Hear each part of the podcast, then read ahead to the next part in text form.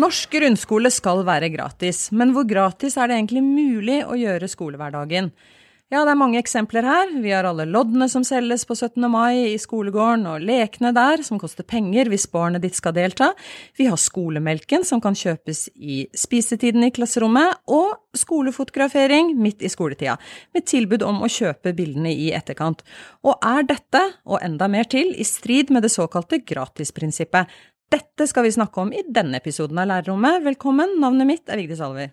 Og navnet mitt er Marianne Olsen Brøndtveit. Ja, gratisprinsippet, som er en del av opplæringsloven, er blitt mye diskutert, spurt om og forklart på foreldremøter og i foreldregrupper. I regelverket heter det blant annet at gaver og andre bidrag må være reelt frivillige, verken elever eller foreldre må føle seg presset til å bidra økonomisk. Men hva betyr dette, og resten av lovteksten i praksis? I dag skal vi nøste, bruke lupe og kanskje problematisere sider av kravet om en gratis norsk skole.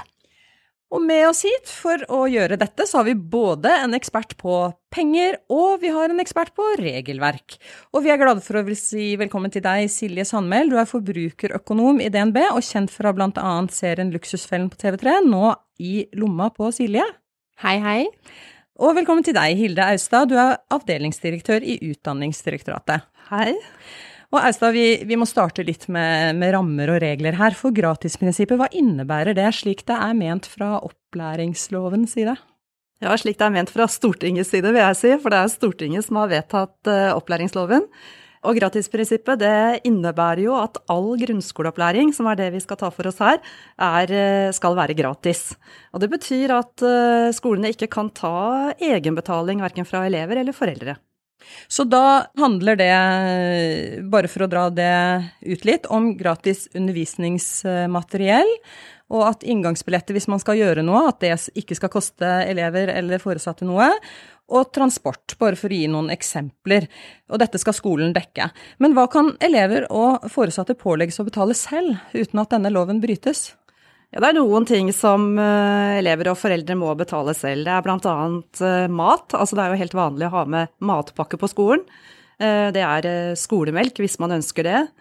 Når det gjelder eh, skolefrukt, så er jo det et litt sånn politisk spørsmål. Det har vært litt ut og inn av regelverket. Tidligere så var det lovbestemmelse om at, man at skoleeier hadde en plikt til å sørge for at elevene fikk eh, frukt og grønt. Og så fikk man en ny politisk ledelse som tok vekk det igjen. Så det har vært litt sånn inn og ut. Men det er eksempler på ting som man må forvente å betale selv. Og det samme også ville vil det være hvis du tenker sånn gymtøy og sånne ting, og klær, så er jo det ting som foreldre må, må dekke. Men hvorfor blir dette så komplisert for så mange og for så mange skoler? Ja, det er et veldig godt spørsmål. Øh, fordi loven er jo faktisk ganske så klar. Det skal være gratis, og egentlig så hadde man ikke trengt å ha en lovbestemmelse om det, fordi det skal ikke koste noe å gå i norsk skole. Eh, og da kan man jo lure på om det kan være press fra foreldre. Eh, og det er altså Vi bor i et rikt land. Eh, det er mange muligheter, det er mye spennende man kan være med på. Men veldig mye av dette koster mye penger. Og så lar man seg kanskje forlede litt da, til, å, til å sette i gang aktiviteter som, som koster penger. Silje Sandmæl, som eh, forbrukerøkonom så kommer du jo ganske tett på mennesker og deres hverdagsøkonomi. Hvordan fungerer gratisprinsippet i skolen slik eh, du ser det? Nei, altså det, eh, undervisningen er jo én ting, men, men, det som man ser eh, ofte skjer på en skole, er jo at eh, man har veldig ulik økonomi. Og så er det særlig de da med dårlig råd. Altså det er jo to til tre i hver eneste klasse som er under fattigdomsgrensa de ønsker ikke å synes, men samtidig så synes de så veldig godt, fordi mange i klassen har mye penger, og, og det går jo da gjerne på aktiviteter som blir tilbudt eh, i skoletiden, eller om det er skoleturer, eller om det rett og slett selvfølgelig er klær. Så, så, her tenker jeg jo at uh, skolen, og ikke minst foreldre, har jo et ansvar for at uh, de som ikke har muligheten til å være med på ting, ikke føler seg enda mer utenfor enn det de faktisk gjør i dag. For her er det faktisk barn som sier at uh, vi kan ikke være med på bursdagen fordi vi skal noe annet, istedenfor å være med på bursdagen fordi de har ikke penger til gave. Og det er jo sånne ting som man ikke tenker over, fordi man er kanskje ikke, har det ikke sånn selv. Eh, men her, her, tenker jeg jo åpenhet er veldig, veldig viktig, og også fra de som har eh, dårlig råd, men, men, noe som man burde snakke om på, på skolen. Og privatøkonomi kommer jo nå inn på kompetanseplanen, og jeg er jo ekstremt nysgjerrig på å se hvor mye mer vi kommer til å snakke om penger enn det vi har gjort før. Jeg tviler på at det blir så mye, men jeg håper at det blir mer. Hauste. Ja, det er jo veldig viktig det du peker på. Og så er det noen nyanser i det du sier som eh, det kan være lurt å, å, være kjent med. Hvis det er skoleturer eller sosiale arrangementer i skolens regi, så skal de være gratis. Eh, så pekte du på litt andre ting, bl.a. bursdager og sånne ting, som eh, ikke reguleres av gratisprinsippet fordi det ikke blir regna som en del av grunnskoleopplæringa, men som en del av de, den fritiden som på en måte foreldrene har ansvar for. Ja, og der tenker jeg jo fordi det, det er jo én ting som selvfølgelig er foreldrenes ansvar. Altså det jeg mener skolen har mer ansvar på akkurat på det punktet der, er å snakke om privatøkonomi, altså ha det på timeplanen, og snakke om økonomiske forskjeller, sånn at man kan forstå at ja ja, men ikke alle har det kanskje som meg. For det finnes da barn som ikke tør å ha med vennene sine hjem fordi de er flaue, fordi de har kanskje ikke de samme lekene osv. Så, videre. så det handler jo bare om åpenhet, men å, å få det inn på timeplanen. Når det kommer til skoleturer, for det er veldig Det her, her er jeg veldig interessert i lovverket. Ja. Fordi det er jo eh, eh aktiviteter, hvis vi begynner med det, da, som der skolen leverer ut lapper om slalåmkurs. Det er jo ikke i skolens regi, men det er de som leverer ut lapper om slalåmkurs til to og et halvt, eller langrennskurs, eller hva det måtte være. Og, og selv om ikke det er i skolens regi, så legger de jo da et press vil jeg si, på hele klassen. Fordi hvis ikke det kommer en lapp i posten, så har man jo et eget valg. Mens når det kommer en lapp, ikke i posten, unnskyld, i ranselen, eh, eller på en av disse appene som man har på skolen nå, så, så handler det jo om at det er skolen som tilbyr dette. Og så er det jo da folk som blir stående utenfor fordi at man ikke har råd, eller dessverre noen tar seg råd. Kanskje tar opp forbrukslån eller drar kredittkortet fordi at de ikke vil at sønnen eller datteren skal være utenfor. Hva er reglene der? Jo, men din sønn, din sønn måtte jo stå gråtende igjen da skolen dro på slalåmtur. Ja, ja, jeg har jo flere barn, så du, det er ikke bare den ene sønnen min som har gjort det. Og du ønsket ikke å betale det det kostet da, for å la han være med? Nei, altså, og det handler jo ikke om at jeg ikke hadde pengene, men det handlet om at jeg syns ikke noe om at det kom fra skolen eller dette var jo da SFO, men det er jo skolen allikevel. Tilbud om et kurs som koster da 2500 kroner. Og, og, for sønnen min, som selvfølgelig sto igjen på gårdsplassen der bussen kjørte, og det syntes jo ikke han var noe ålreit. Han ble sittende alene uten vennene sine på SFO. Han gråt. Men, men, jeg tenker at for meg var det ekstremt viktig verdimessig mm. å forklare han at vet du hva, akkurat det der syns jeg da kan forskjellsbehandle folk. Og ja, vi har penger til det, men, eh, men jeg syns ikke skolen burde ja, så tok vi det opp med skolen også. så, så, det, og det har skjedd med datteren min også, ikke sant, på, i barnehagen. Så dette skjer jo støtt og stadig, og jeg tenker jo bare at jeg ønsker å gå frem som et godt eksempel, men jeg merker jo at det er jo ingen som følger etter. det er jo Men, men, men Austad, hva, hva, hva, hva, tenker du nå, når du hører uh, hva Sandmæl sier her? Igjen så er det noen nyanser her. Uh, fordi uh, du snakket om at dette var et tilbud som kom via SFO. SFO blir ikke regna som en del av grunnskoleopplæringa, så gratisprinsippet prinsippet som sådan, det gjelder ikke der. Eh, så man kan ikke bruke den lovbestemmelsen for å, for å hindre at man krever egenbetaling der. Eh, men det er jo ikke forbudt for, eh, for, rektor og skoleledelsen å allikevel ta et ansvar her.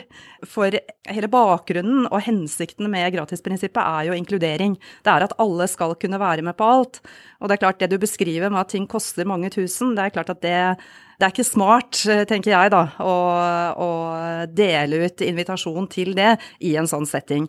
Men det er ikke regulert av gratisprinsippet, så det blir opp til den enkelte skoleledelse og eventuelt kommunen å ta de vurderingene.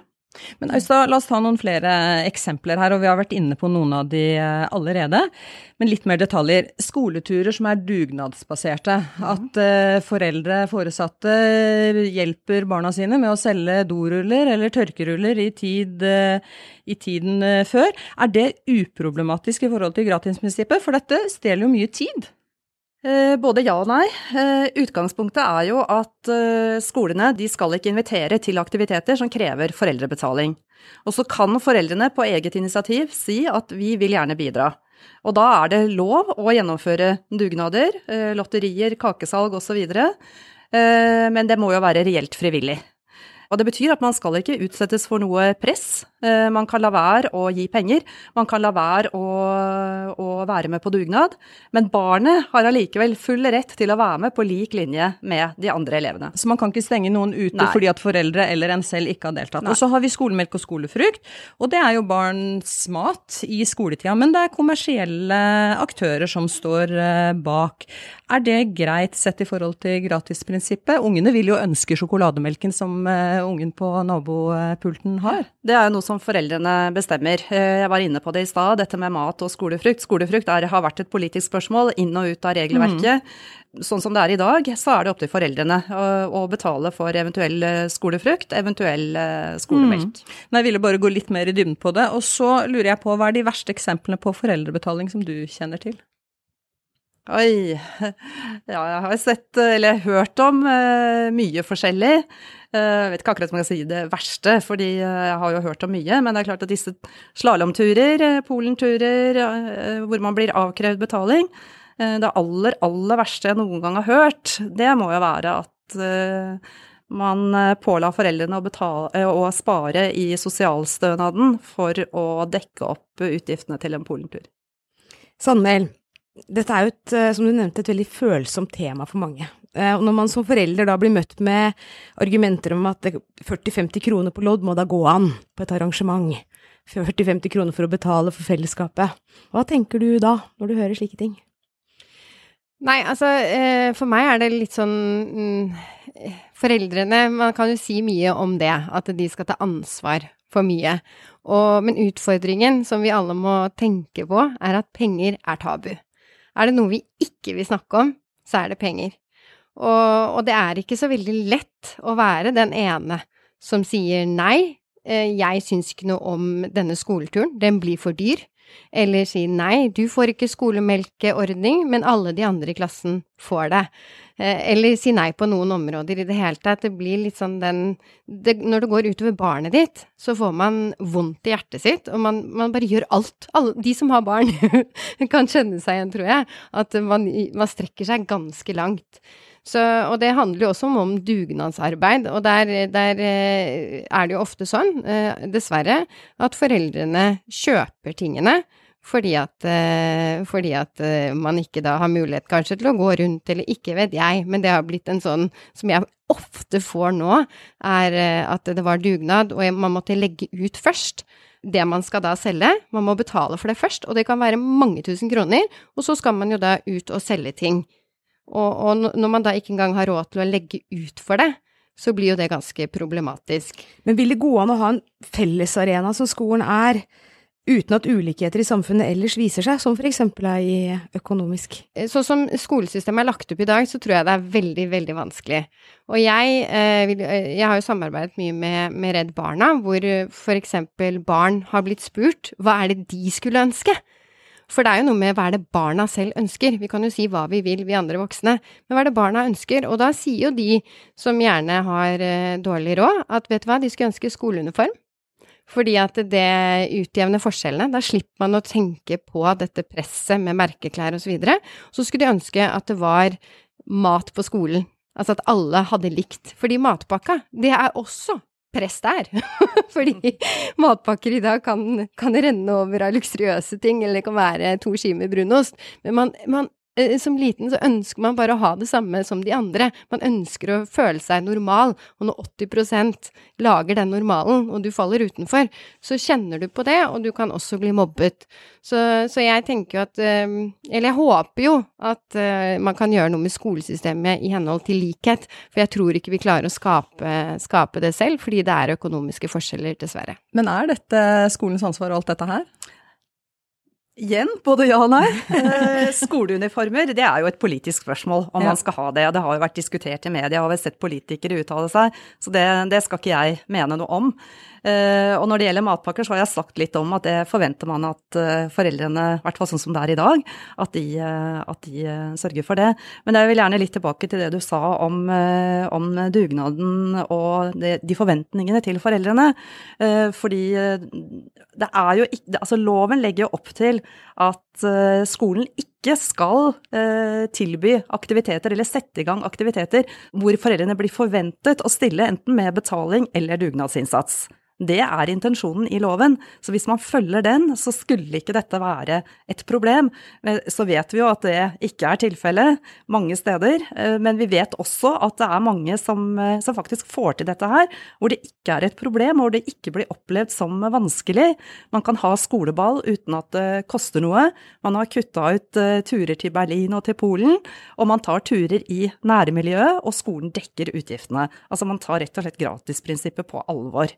Og, så er det jo dette med at foreldrene ikke skal føle dette presset i forhold til å delta på dugnad. Og da er det dette jeg var inne på med reelt fri, frivillig. Det er kjempeviktig. Du skal ikke på noe tidspunkt føle at du er pressa verken til å betale eller å delta. Og det er faktisk eh, skoleleders ansvar å sørge for at både foreldre og andre følger dette på egen skole. Men så er det slik at eh, ved flere skoler så er det såkalte venneforeninger.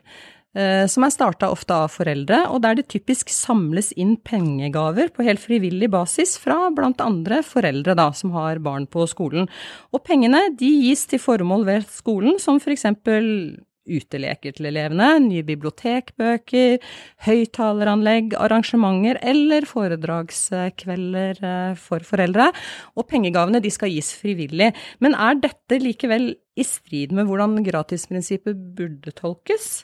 Altså, det er jo ikke en del av gratisprinsippet, Nei. og dermed så, så, er det noe som foregår ut, på sida av gratisprinsippet mm. fordi det ikke er en del av opplæringa. Men også der tenker jeg jo at man må bruke skjønn. Uh, og det var som jeg sa i forhold til, eh, til uh, SFO også, så har jo skoleledelsen et ansvar. Og det, de må være utrolig bevisste på at det som foregår på skolen, det inkluderer alle og bidrar til det. Ja, for bøker og utelekker, det er vel sånn man tenker at kanskje heller skulle dekkes av kommunenes absolutt, skolebudsjetter? Absolutt. Og så finnes jo FAU-er på alle skoler som også kan være pådrivere eh, ved arrangementer der betaling kan være involvert, som vi har snakket om. Og ofte så er jo både vennegrupper og FAU det er jo en gjeng med entusiastiske foreldre som har veldig lyst til å bidra til at barna får spennende opplevelser i skolehverdagen. Mm. Og foreldres deltakelse har jo også mye å si for eh, læringsmiljøet. Så hvis vi riper borti denne, denne innsatsen, eller tar den bort, hva vil det gjøre i forhold til all snakkingen om en inkluderende skolemiljø? Det er alltid viktig at foreldrene er på banen, og at foreldrene engasjerer seg i eh, skolehverdagen til, eh, til ungene. Men så er det spørsmål hva er det man ønsker å ha fokus på, da, på uh, foreldremøter f.eks. Ønsker man å ha fokus på turene, eller ønsker man å ha fokus på, på opplæringa som sådan, og hvordan elevene faktisk, og barna faktisk har det på skolen? Så jeg tror kanskje at Eh, fokus på turer og disse aktivitetene som koster penger, eh, faktisk kan eh, være med på å forstyrre litt i forhold til fokus. Så her er det foreldrene sjøl som må ta et stort ansvar? Ja, det mener jeg, og de må jo også ha empati i forhold til at ikke alle er nødvendigvis har anledning til å bidra på samme måte som en selv kanskje har, da. Mm. Sandmæl, har vi for store forventninger til hva barna skal oppleve på skolen. Altså, de skal ha et ypperlig bibliotek, de skal få dra på slalåmtur, de skal ha et stor og brøsja fane på 17. mai. Ja, eh, igjen, altså vi, Det er jo vi voksne som setter standarden på, på ting. Eh, og, og, det er jo Jeg føler meg veldig gammel når jeg sier sånn Ja ja, når jeg var liten, så, så, var det på en måte å klatre i trærne var det mest spennende som, som fantes. Så, så, her er det de voksne som legger lista, og det er man nødt til å tenke på. Men tilbake til at det er ikke så lett å være den eh, forelderen som, som, går imot strømmen, så, så håper jo jeg, eh, det er en oppfordring egentlig til skolen, lærere eller rektor, å sette en standard. For det er mye enklere hvis en rektor kan si at du, på denne skolen her, litt som du kom med, med forslaget her om, at eh, på denne skolen her så har vi skoleturer som vi arrangerer. Og, og vi, det er ikke noe annet som skal foregå her. Fordi det er altså hvert eneste år Nå har jeg jo da to barn på barneskolen og én på ungdomsskolen. Og det er hvert eneste år så er det nesten Altså krangling, ikke krangling, men, men, men, litt sånn skal vi til Polen, skal vi eh, Altså det er dyre turer, og så er det noen som sitter i hjørnet og ikke tør å si noe som helst, og så er det noen som snakker høyt, og de som snakker høyest, er de som får gjennomslag. Og da hadde det vært deilig, tror jeg, for alle, at man bare satt en strek, sånn gjør vi ikke på denne skolen her. Og så kan jo selvfølgelig politikerne i tillegg da ha diskutere skoleuniform og alt sånn. For jeg er jo veldig opptatt av inkludering, og jeg tenker at det, det Foreldrene det er, det er en for stor oppgave, rett og slett, for foreldre å sørge for det, fordi vi er for ulike. Ja, Det er jeg helt enig i, og jeg har sagt til mange rektorer at du er sjef på egen skole, og det ansvaret må du ta, også i forhold til foreldre som har ambisjoner og ønsker på barnas vegne. Ja, og med det så sier vi faktisk takk til dere som var gjestene våre, Silje Sandmæl og Hilde Austad, og tusen takk til deg som lytter til Lærerrommet. Ta gjerne kontakt med oss dersom du brenner for noe innen utdanningsfeltet som du ønsker vi skal ta opp, og husk for all del å abonnere på oss i din podkastkanal. Vigdis og jeg sier takk for oss i denne omgang. Ja, vi sier takk for oss i denne episoden, Marianne, men snart er Lærerrommet tilbake med et nytt tema og nye gjester. Ha det bra! Ha det!